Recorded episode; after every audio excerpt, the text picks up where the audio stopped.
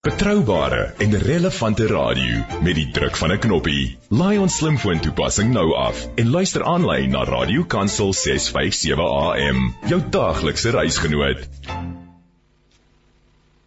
Maar is maar baie baie lekker om saam jou te mag kuier. Ek weet nou nie ek het iewers nou daar op 'n advertensiegleef ingekom nie, maar dan is dit nou maar so, dan moet ons hom later speel, nê.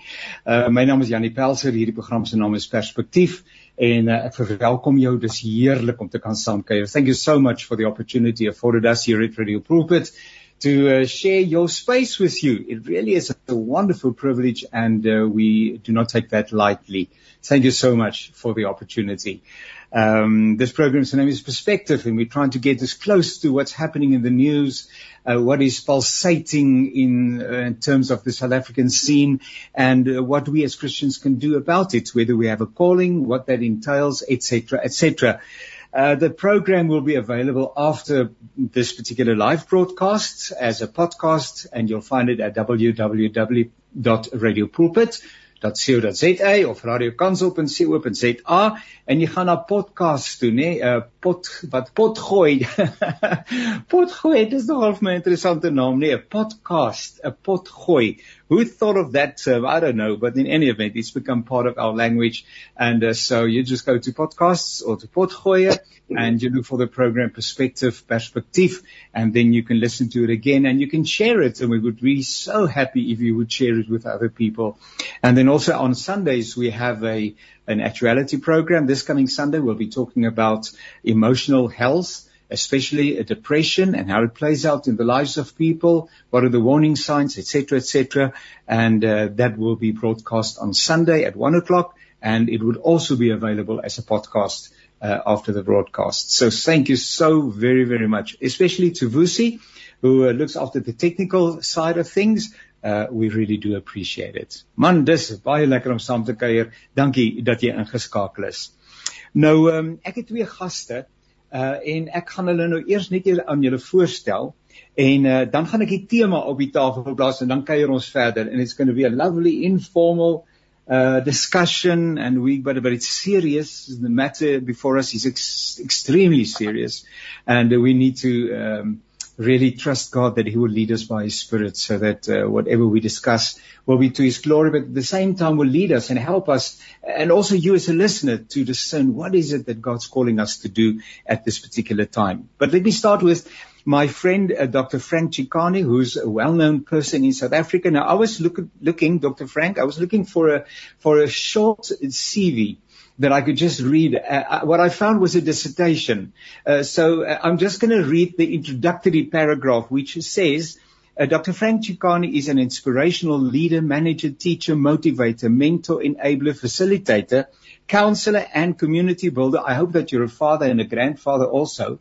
Nevertheless, we'll fit that in later, Dr. Frank, uh, with a vast experience as a pastor in politics, public speaking, problem analysis and resolution, research, strategic planning, etc., etc. Enough to hear that we have a person here that God has really graced with a great deal of uh, talents and gifts and that God is using in a mighty and wonderful way. And it's such a privilege to interact with you today.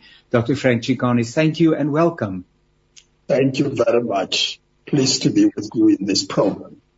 And then my good friend, Professor Rothney Tshaka, and uh, such a wonderful friend. And he is the head of the College of Human Sciences School of Humanities at the University of South Africa and he's been teaching theology for more than 10 years. He's also an ordained minister of the word and sacrament in the Uniting Reformed Church in South Africa. And again, Brother Rothney, thank you so much for the opportunity yeah. to interact with you. Thank you, Yanni. Just a correction there. I am, uh, I am the director for the School of Humanities in the College of Human Sciences. It's quite a big animal, in this one. Nevertheless, thank you so much. Again, thank to hear that it's somebody with a, a, great deal of responsibility and uh, somebody that really plays an important part and role in the South African context. And thank you once again for your availability. Uh, brothers and sisters, uh, friends, South Africans, listeners, South Africa at the crossroads, challenged in almost every aspect of its existence. And the question is, what role can and should the Christian community play in the restoration of our beloved country? Now, just uh, a while ago, on Saturday, the 21st of January, uh, there was what is called in the press release a historic moment in time. It's also said it is a significant step towards establishing a corporate spiritual ownership for our beloved country. And we'll try and find out what that is all about. Uh, the theme for the day was, uh, was South Africa, Let's Pray.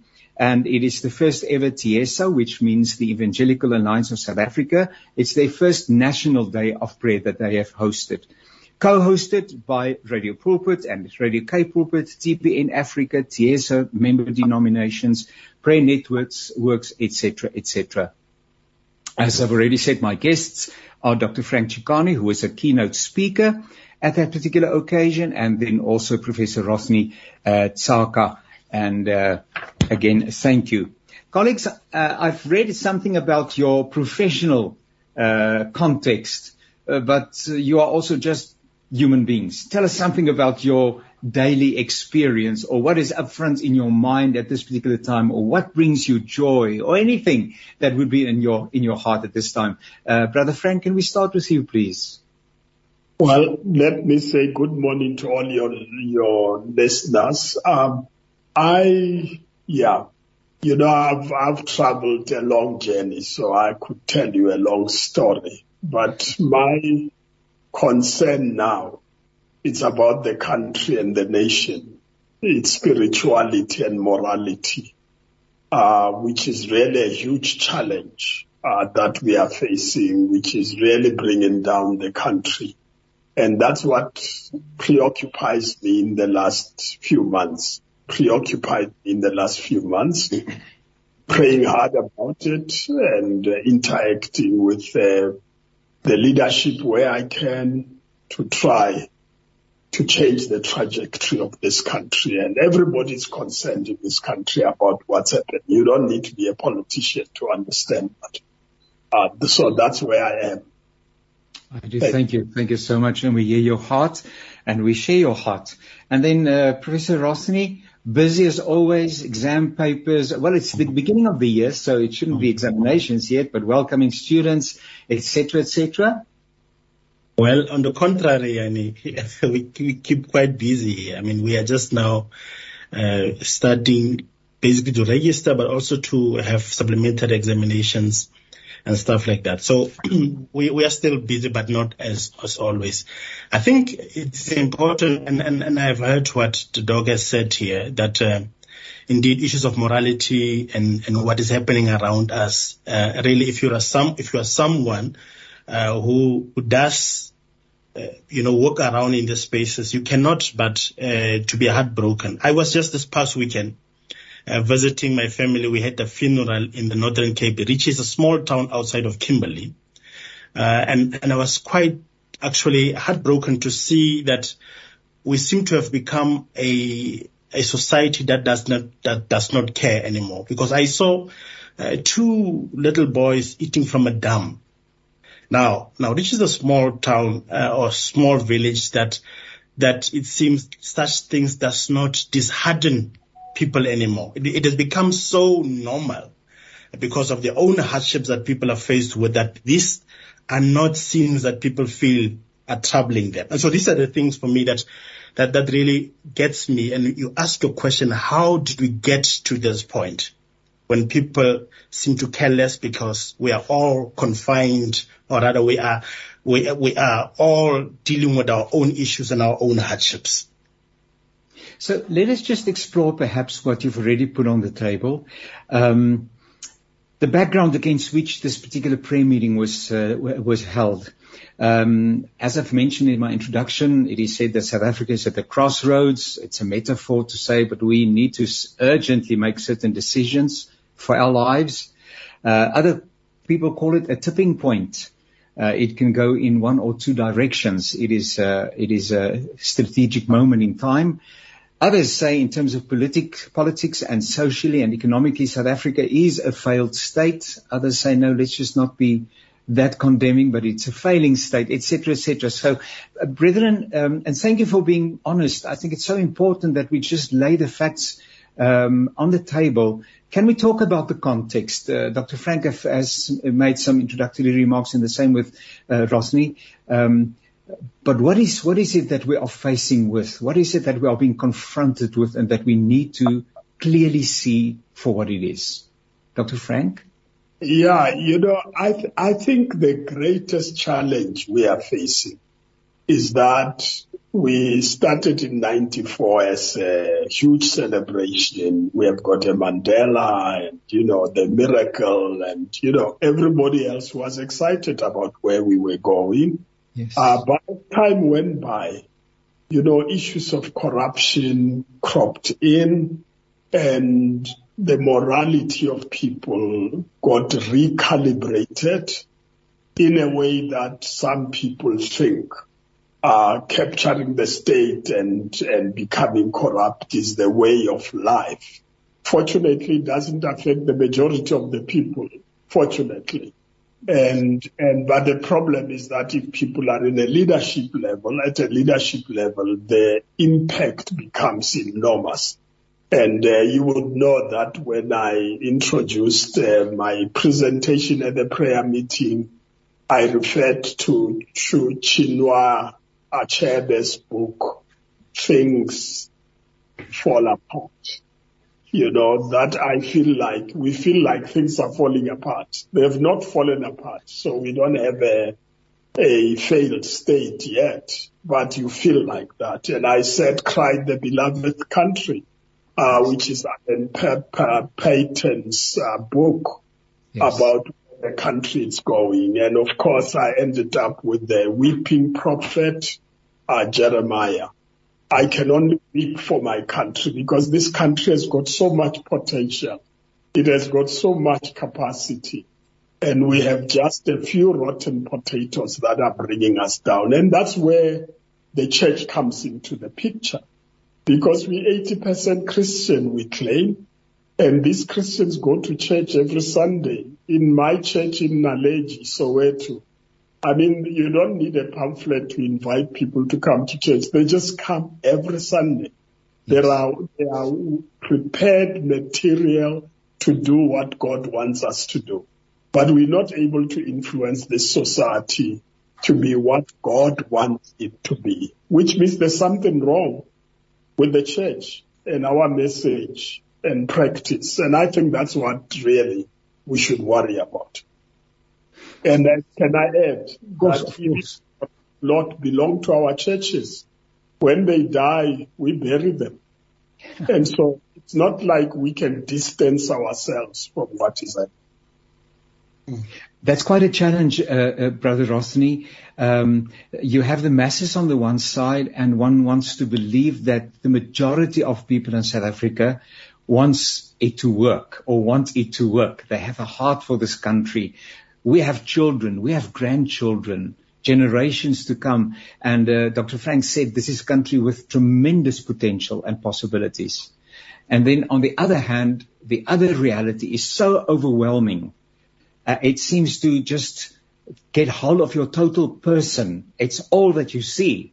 Now, that balancing act, uh, how do you go about that? Yo, Yani, this is indeed difficult conversations. And as as uh, Reverend Chikane has, has put it. The challenge is always, why is it that those who are the most faithful are not able to influence? I mean, if you, if you, if you think of what he has just said, that we are quite a large number who, who believe that we are Christian and yet that does not translate into changing. And, and I see this also in my own, in my own, uh, you know, in my own bediening, in my own, yes, where yes. I where I act as a pastor, that that it, it seems to me that uh, there, there is there is and we use our faith to escape certain realities. Uh, because in as much as we can in a in a in a particular community agree uh, that there are problems that we're able to even put our fingers to that, uh, that we don't have the courage or rather our faith does not give us the courage to, to attend to the structural problems that are the reason where we find ourselves. So, so, so, I don't know if that has to do with a, with a, with a kind of a theology or with the kind of faith that, that seem to percolate societies. But, but it is said that we Christians are in the majority and yet we are not able to use this to sort of uh, uh, make things proper for the majority of us. So these are the things that I think I'm also wrestling with. Dr. Frank, can it be, um, I was just thinking of that metaphor of the broken window. Uh, and the thing there, I think in New York with the mayor there, and and and the broken window is a reality in South Africa. And I sometimes get the idea that people have just they've thrown in the towel. Uh, the only way that we can survive in South Africa, if you want to be a survivor, is to just jump in and become part of the way South Africans do things. And I'm generalizing. Uh, one example of that is nobody, and I'm generalizing, but nobody heeds a robot or a stop street anymore. Uh, if there's load shedding, I stand amazed. I want to stand at the robots and stop the people and say, but this is a for, there's, there's a certain rule, but people simply, it doesn't matter who they are. And I'm generalizing, but they ignore that reality. And it's become like that in all the spheres of influence. So, um, I'm being stopped by a traffic officer or somebody. Uh, I've had that experience in my own family. So you have your family in the car, and unless you pay, we take you to jail, and you'll come out on on Monday next week, and we'll see to that. And they are being intimidated, and it happens with all people, not with a particular, with all people. So what do you do as a South African? I've got my family in the car. I pay. So so so it's like we, we, we struggle to simply live and, and continue living in this space because it's so toxic. And I hope I'm not being negative, but Dr. Frank, am I wrong? This broken window thing, and we'll have to see it for what it is.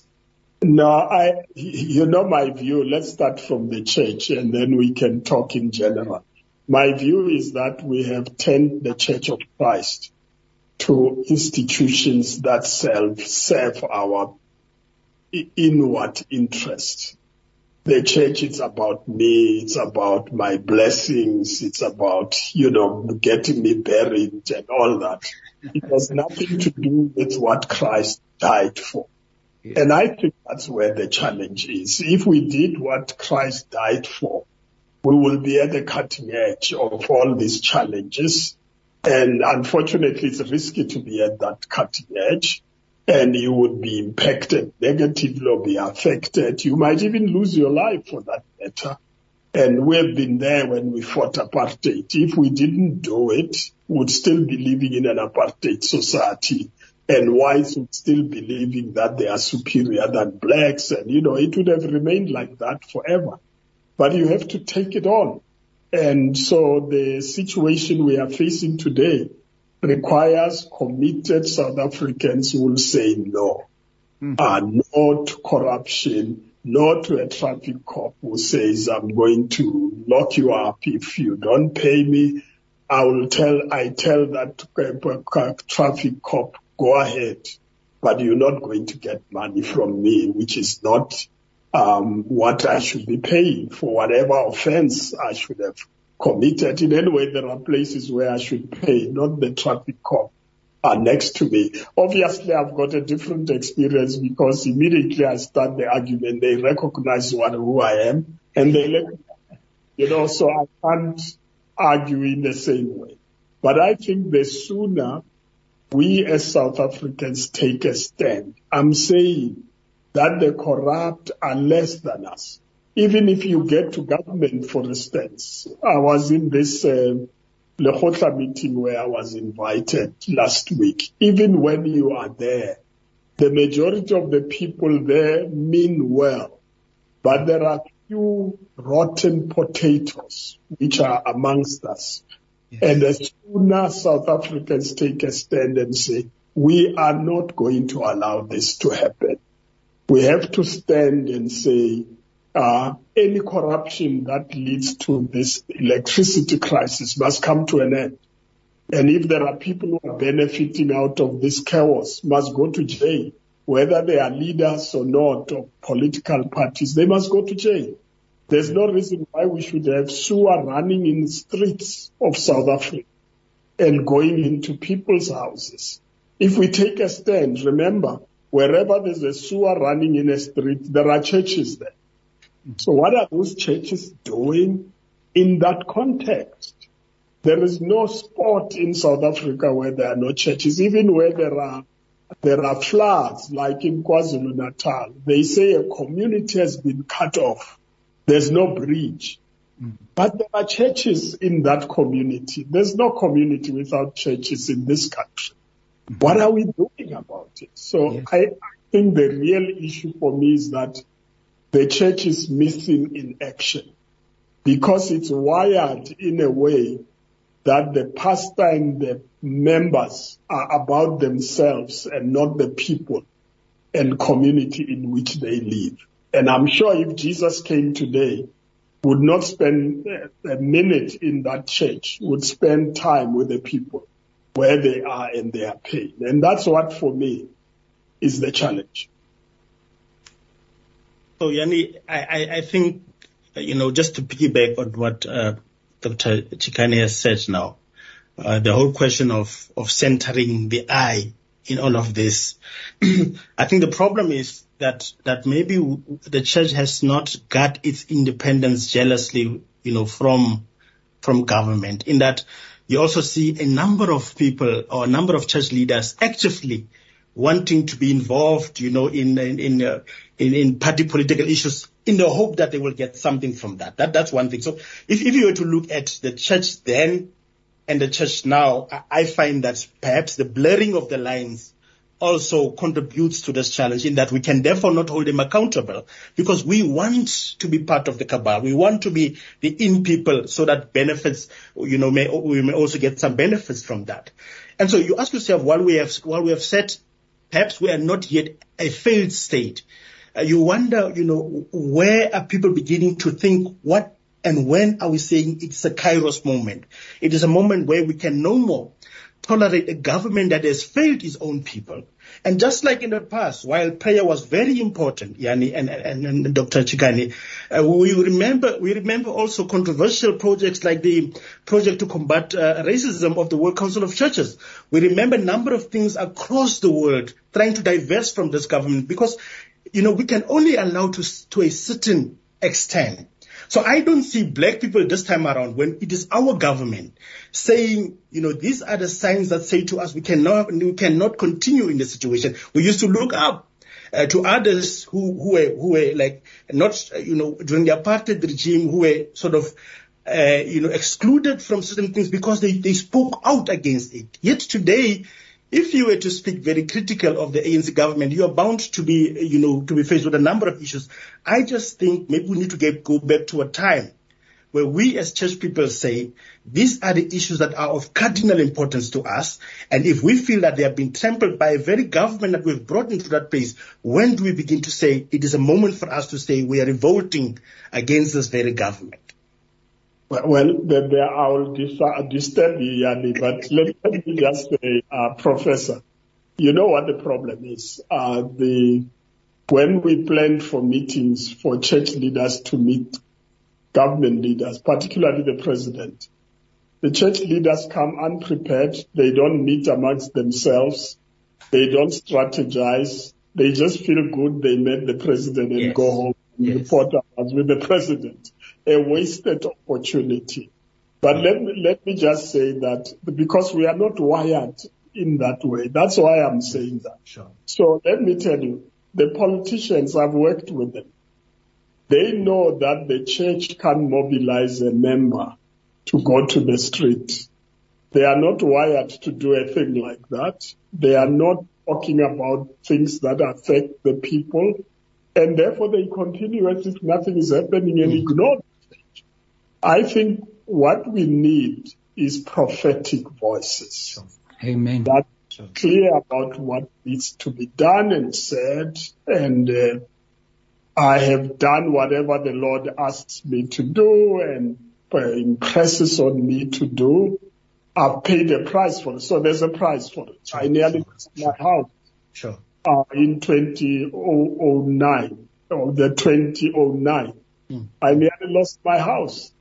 Uh, because my own comrades believed I must pay for that price. I lost a job when I left government. I had a job, you know, and I was going to start in July 2009. And they flew to London to go and convince this French company not to employ me. And so suddenly I had no job for a year. There are consequences for taking a step. Absolutely. And I, I think there's no prophetic ministry that does not have consequences. Sure, this Jeremiah sure. I'm talking about, sure. the weeping prophet. Sure. I mean, they put him into a cistern. And, and, and, and so we need bold people.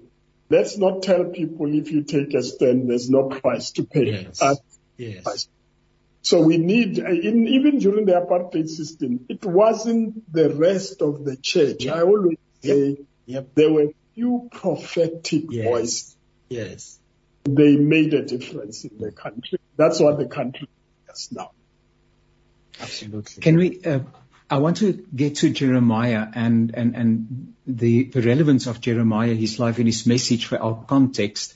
Uh, but can we just, uh, for a moment, package uh, what uh, Dr. Frank has said just now, uh, Rothney. How do we package that prophetic voice? Um, do we take to the streets? Um, uh, it's so important what he said is that the, the, church is not able to mobilize yes. believers into whatever it may imply. But what does that? What does it mean?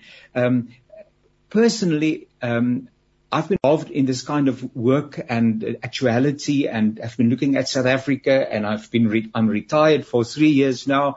Um, uh, but taken active, uh, as I've, I've always taken an active role. And my question is, and this is just my subjective question, where are the leaders?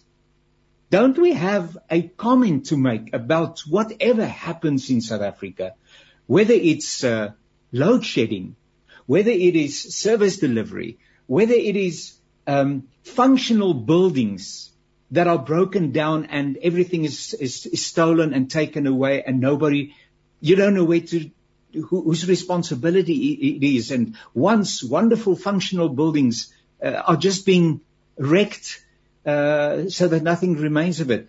And then I ask, but and, and this is just me, doesn't the Holy Spirit have something to say about this?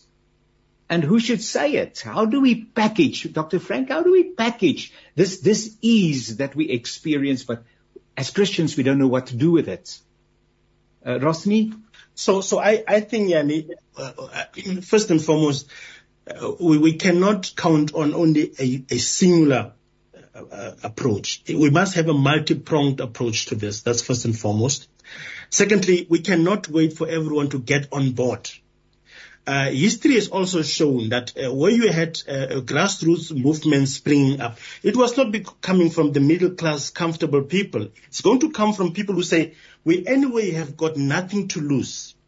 And this is what I think the ANC government is not realizing. That, that, that ultimately uprisings happen because people say, I'm already at the edge and there's nothing else that, that, that, that can sway me.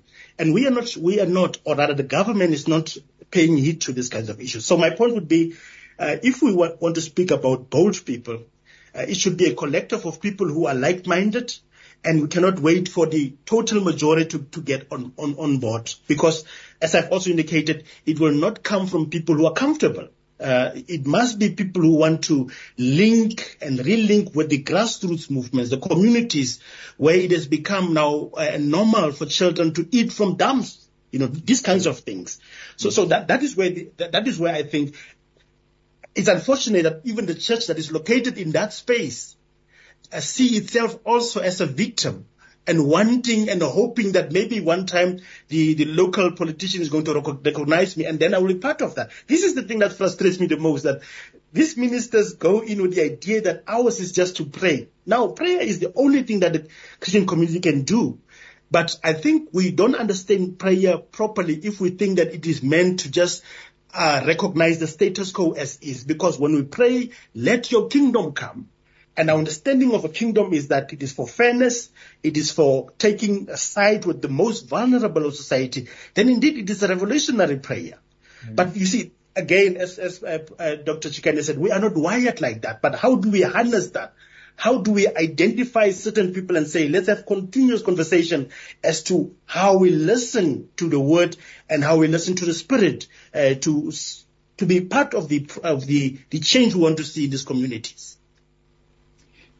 Dr. Frank, the, message concerning, uh, I'm sorry, uh, please do uh, comment, but uh, in, uh, uh, further than that, the message that you shared at the prayer meeting pertaining to Jeremiah and his time and what was transpiring at that time and the warning, that's not an easy, easy message. won't you just verbalize that so that people can hear? But what is it that Jeremiah said? And and you said this is this is not just a prayer meeting. This is a moment in time.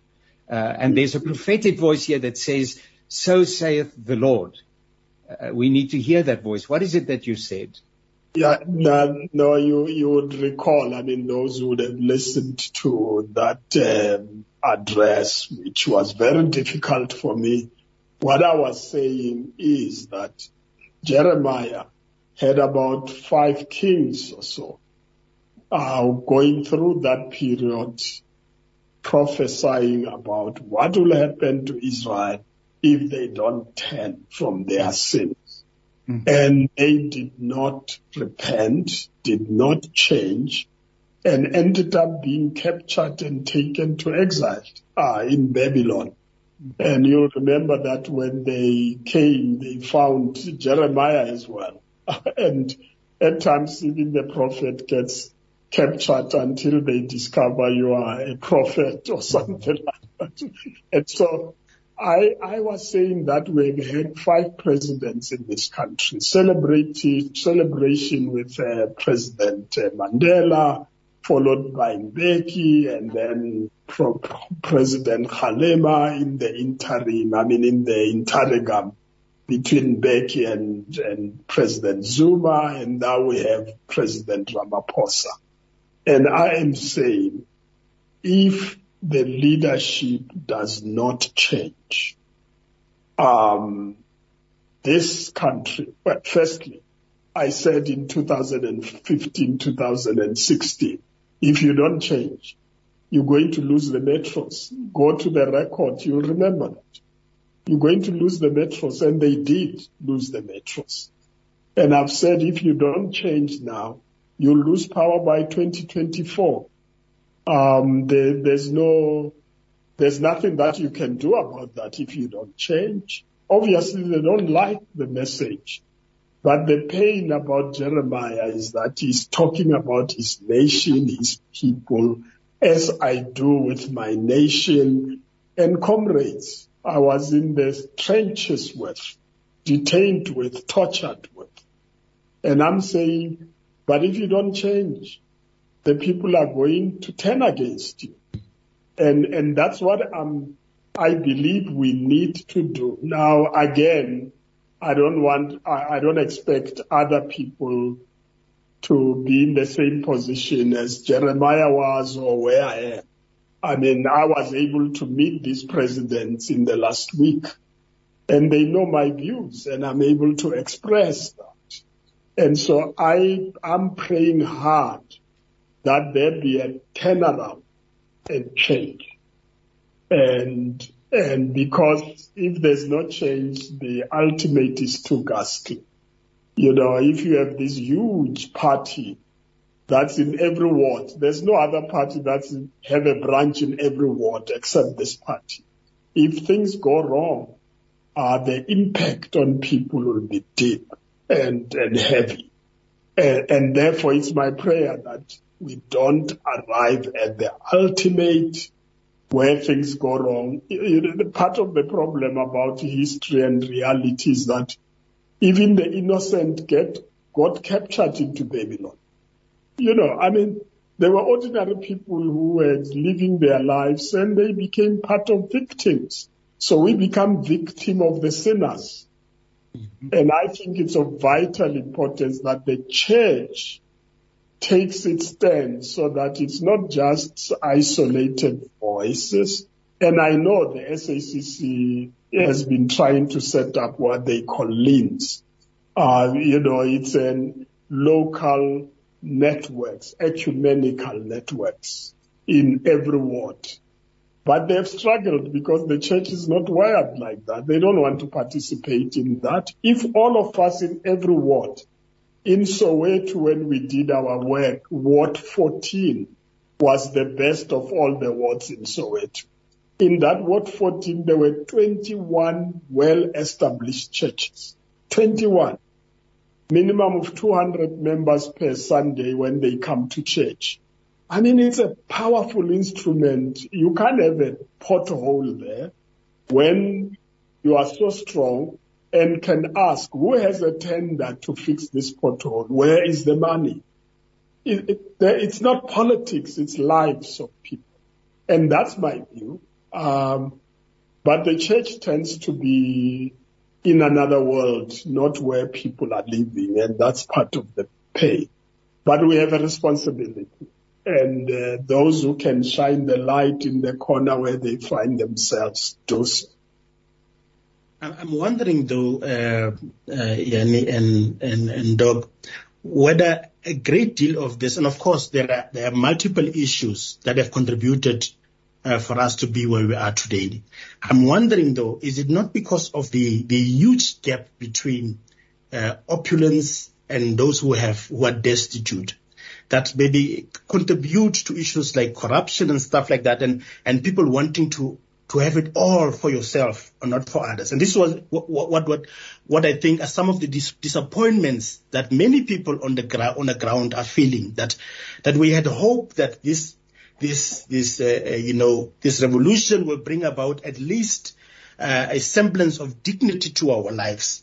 And yet, when you look at at how people are living today, still in comparison to the past, you you you get a sense why there is this mentality that the system has created me, so let the system deal with me. You know, Tupac uh, Shakur uh, uh, speaks of this in one of his, his songs, and that's why no no one thinks for the other, but only for you, because you feel that I was made to be like this by this system, and so let the system deal with me however it wants to deal with me. I mean, you look at how people have become bold, uh, how they take without, con- you know, considering others, how crime and how death, for instance, has become a normalized thing in society today, taking people's life without even worrying, you know. So I'm just wondering whether that gap does not uh, to a great extent also contribute to the fact that we, we care less for the other and it only is about me and nothing else.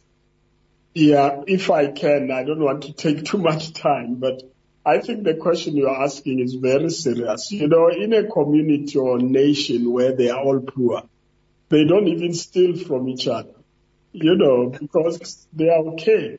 They, they are, they are not okay. They are suffering together uh, and don't think they should interfere with the neighbor. That's why I'm saying they are okay in their relationship.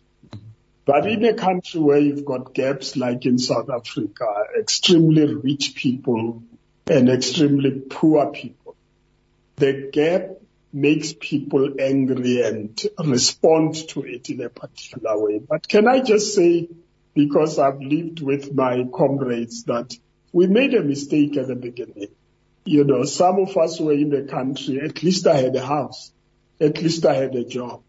But those who came from exile had no house, they had no job, they, they depended on donors, uh, donations outside the country. Even clothes were bought for them. And we didn't actually think about how we are going to receive them when they come back home. We gave them 800 rands grant and it got finished within a few months. That's the first mistake that we made. So when they get corrupted, and I won't talk about individuals, some were offered houses by people who had money. And they thought it's for free. It wasn't for free because the day they wanted something, they go back to that person and say, I want this from government, and then it happens. Yes. That has developed to a situation where the criminal syndicates, which is in my address at the prayer meeting, the prayer session, national prayer, that criminal syndicates and, and, and people in the dark world have taken over. I mean, you know, Eskom, The criminals have taken over there.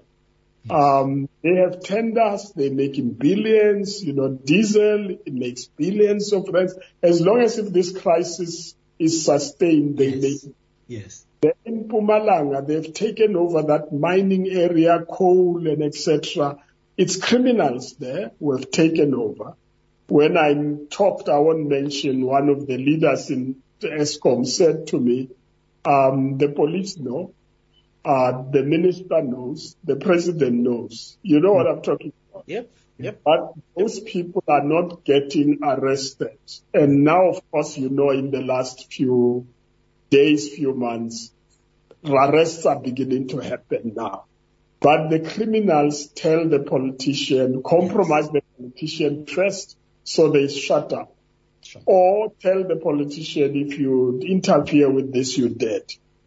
We can't allow this to happen in this country. We need to free ourselves from the criminal. Look at KwaZulu Natal.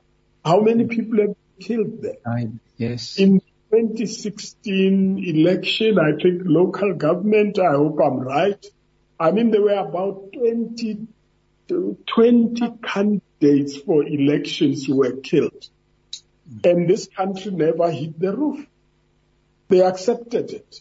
No, we can't allow this. I think we need to take a stand and I keep on repeating the criminals are fewer than the people. Sure. Sure. And if we took a stand, they won't finish us. Uh, they will be out of business before they finish us. And that's the commitment we need from the people. Um, and, and I'm, I'm hoping that it's going to happen. Uh, Yanni, I, I must, I must also complete that story I was talking about in dealing with leaders. You would have heard this week they are talking about command system centers, this Yes. and that. and I'm saying to them, you can't say there's no capacity in Jitobotla, Jitobotla. Uh, this country has got capacity, huge capacity in the country. We can send engineers there, go and fix this thing. Yes. Why are we not doing it? Um, and we can even get volunteers to do it. You know, why do, are we not doing it? And I think it's important to keep on sending the message to the leadership. But if they fail, then of course the consequences, unfortunately, it's not just them being affected, but it's the ordinary. Uh, Brother Rothney, um, uh, it's significant, uh, and help me if I'm wrong, that when things go wrong, if I think of the Old Testament especially, uh, God addresses the church when things go wrong in society, and He says, and then He lays the responsibility before them, and He says, if my church shall humble themselves, seek my face, pray, turn from their wicked ways. Um, so, uh, uh, uh, brother uh, Frank, when you shared at that uh, prayer meeting, there were five or so things that you said. I want to speak to the church about it because the church can say, and ordinary folk who are Christians can say, "Well, you spoke extensively about leadership, and and and they have to take responsibility." But now, um, yet when you when you came to the conclusion of your message, your your address was to the church. Uh, as Yeah. as you've already said, but there is sewer running in the street. Where is the church? There is this church there. So the church is failing uh, that principle of and the prayer, the same prayer they prayed, let your kingdom come on earth as it is in heaven. They prayed the prayer, but they did not answer the prayer. And God was waiting for them to become the answer for that prayer. Can you just perhaps uh, point to some of those issues that you said, but listen, church, there are some things that we need to do. No, I, I said, sorry, uh, Professor, I think you should be asking the question first, but let me just say Yes. that prayer meeting, the church must be church. Sure. And the problem with people of faith is that it's people of little faith. Yeah. That's how I concluded it. And I said there are five things we need to do. Firstly, it's our spirituality because you can't be a soldier if your spirituality, if you start from your religious perspective, your spirituality must be right. If mm-hmm. you are, you are wrong and you conform to the world, like Romans 12, 2 says, you can't change the world, you conform to it. Secondly, We need Christians who live, because they live in a community. They must be Christians in their community as members, let alone the pastor and etc., to make a difference and be part of the people in that particular society. And I said in that regard, you know, the, the praxis in which they find themselves, it means the experience of being with the people helps them to be advocates, to represent the people, speak on their behalf or with them. And, and then that you don't just speak, but you change. There are people who speak, there are prophets who prophesy but do nothing. And I said lastly is that we pray. So it's not that prayer is less important, mm. but I need to pray, pray for God to empower me to cause change in society and to give me courage because it's risky uh, to be with me. And then I compared the faith of people of faith uh, Jesus talked about and the centurion. And he said, I've never found uh, as much of faith as I found in this man in Israel, which means people of faith are not expect, exercising their faith. Um, I mean, when the boat was in trouble and there's a storm, they wake up Jesus and they are scared, you know, but the centurion said, you don't even need to come to my house. I am a commander, I command and it happens. You can do it. If we have just faith enough, we should be able to stand and cause change in our country. I'm, I'm, it's my prayer that the church will see the light and make sure that the city does not, you know, the prophet says, if you don't play your role in that city, the city is going to suffer and the ordinary people are victims. Um, yeah. Prof. Apologies, apologies, yeah. Rothney. I was rude. Sorry, Dr. No, no, no, not at I was rude, Rothney. I, I, really enjoy, uh, I enjoy, yes, I enjoy reading uh, uh, Dr. Chikane, and I even enjoy him better when he speaks. And I think, I think for me, a very important aspect that you've just raised, and it is the aspect of spirituality. Now, you, you, you, find you find a lack of this discourse in, in academic spaces and elsewhere because uh, you know theologians want to be politicians uh, and, and and you have a theology without spirituality. Sometimes I read I read some of the dissertations of people wanting uh, writing for a PhD, but there's no theology uh, in this. And and Vuyani Vellem, for instance, the late Vuyani Vellem, when you look at at at apartheid folk theology he cannot remove the issue of the spirituality, whether it was a perverted spirituality or not, but it was something that sustained and drove these people uh, to heights and to levels un, unbeknown before that, driven by a particular spirituality. And I think the public discourse today, in wanting to deal with some of these issues, we have neglected uh, to, to once again look at how we understand the role of the spirit in whatever we are doing. Now, I've also uh, uh, initially said that the only thing that the church can do is to pray. But in doing that, as, as uh, uh Dr. Chikane said, it is meant to say, allow me uh, to be empowered so that I'm able to do. In other words, make me an instrument so that I'm able to do what I cannot do in my own being. So maybe uh, once again, going back to an understanding of the essence of spirituality, uh, helping us in this. Uh, uh, theology and and, uh, and and politics sometimes have got a very strange relationship in that today it is not you're not considered to be clever enough if you speak spiritual language all the time or if you speak theology that kind of a thing and so this is once again finding ways of saying how do we once again locate the simple things that have kept us together as societies the simple things that that acted as the glue and the spirit spirituality that kept us together as communities. Again, yeah, and I go back to this picture that I've seen, and once you have seen certain things, you cannot unsee them. That very small communities uh, in this country going through so much hardship that six-year-old children eating at the dump is seen as a normal thing. It beats me. I, I, I really cannot take this picture away from me because it is the first time. And you see these things in urban areas and elsewhere But if you now go to the rural areas, these are the things that you're seeing. Another guy said, for instance, you know that there's real, real trouble uh, if you see even the dogs being too skinny. It means, and this is how you in Africa. This is how we gauge uh, whether there is uh, whether, whether there is still some life in the community by looking at the dogs and seeing how the dogs look like. If you have a dog with ribs outside, it shows you that there's serious hardships in this particular community. Colleagues, we have five minutes left. And so if you just look at the watch so that we can uh, allow our technicians, etc., just to do the switch over to the next program.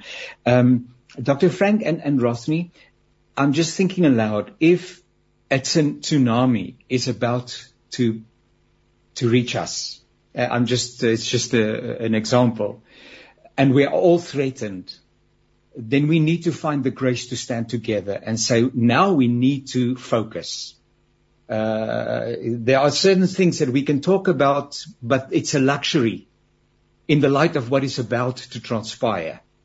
Uh, we can't now have long discussions about this and that and so on, but this, this is danger and we need to discern what do we need to do now. My question is, can we as South Africans from different backgrounds and histories and etc. etc. without downscaling or down or belittling or whatever uh, the discussions that need to continue, but are we at a point in time where we need to find the grace to say we'll have to put certain things aside and now concentrate on what is on the table and bear with one another and reach out to one another and forgive one another and talk to one another if we are going to be an instrument in God's hand to, to restore this nation? Or am I being simplistic, Dr. Frank? Yeah, no, no, no. I mean, it's, it's not easy to do what you are talking about because firstly, you need to deal with the divisions within the church that you can't even pray together. You know what I'm talking about. You, yes. you need to deal with that. Uh, secondly, you need to deal with the egos of leadership who are focusing on themselves. But there is something much more challenging, which I referred to in my address as well, although it was in passing. It's the fact that we changed the country politically, but we did not change the economic system. And the rich remained richer and the poor remained poorer. That's why people are now saying Mandela was a sellout because he did the settlement and, but we're still poor. So I think what didn't happen at the beginning is those who have based on an apartheid system participating together with those who don't have to cause a change in society. And you know, I've talked about uh, Adriaan Vlok, who did whatever he needed to do. I wish it was done at the level of uh, Mr. de Klerk, who was president, to say, we have now had a political settlement. Let's put our resources together to change the situation so that we don't have abject poor people in this country. And that hasn't happened. And the younger people are beginning to question the older people about it. Uh, we don't have time about it, but you've heard. Perhaps we'll have an opportunity to continue this discussion, but just a closing remark from you, Professor uh, Tshaka, please. So, and I think uh, Dr. Chikane said it very well. There, there's quite a lot of baggage that we work with in this country. But I think it's also important that, that, that we're able to, to locate certain conversations where they need to happen. Sometimes I find that, you know, where I'm located, uh, instead of dealing with the municipality, the municipal challenges that we're confronted with, a number of other issues are brought into conversation, important as they are, but meant to obfuscate a conversation that has to do with impacting the lives of people. So we need to, to ask and pray for discernment where we're able to say, yes, you know, we come from a terrible past, but this particular issue now has got to do with holding you accountable. You know, when I was teaching in Zimbabwe, for instance, I, I, I used, and this was during the very, the Muraman war time, uh, where students would say to me, uh, Professor Tshaka, but this is our only, only Zimbabwe. And I find that uh, that we are divided in this country because other communities have got other options. You know, they, they, they don't only have the South Africa. They've got an option to, to opt out of this conversation if it, if it irks or if it, if, if it irritates them. Some of us can't. It's a question of, of praying for uh, the ability to walk in your brother's shoes and to understand what the other one is feeling. And I, I don't think uh, we have had a conversation where we uh, were able to look at what, one another in the eye and speaking about how do we work in another one's boots for the sake of, of making sure that we address the challenges that are befalling this, this, this country. Professor uh, Frank, uh, sorry, Professor, well, I can say Professor Frank Chikane as well. That would be quite befitting. Uh, but uh, Dr. Frank Chikane, thank you so much. Heartfelt thanks for your participation and the perspectives, uh, very important perspectives. And may God continue to use you as a prophetic voice in this nation. Thank you so much. Thank you. And uh, Professor Rothney Tshaka, thank you so much again for your friendship and uh, for the very important perspectives that you have brought to this conversation. Truly appreciate you. May you have a wonderful day.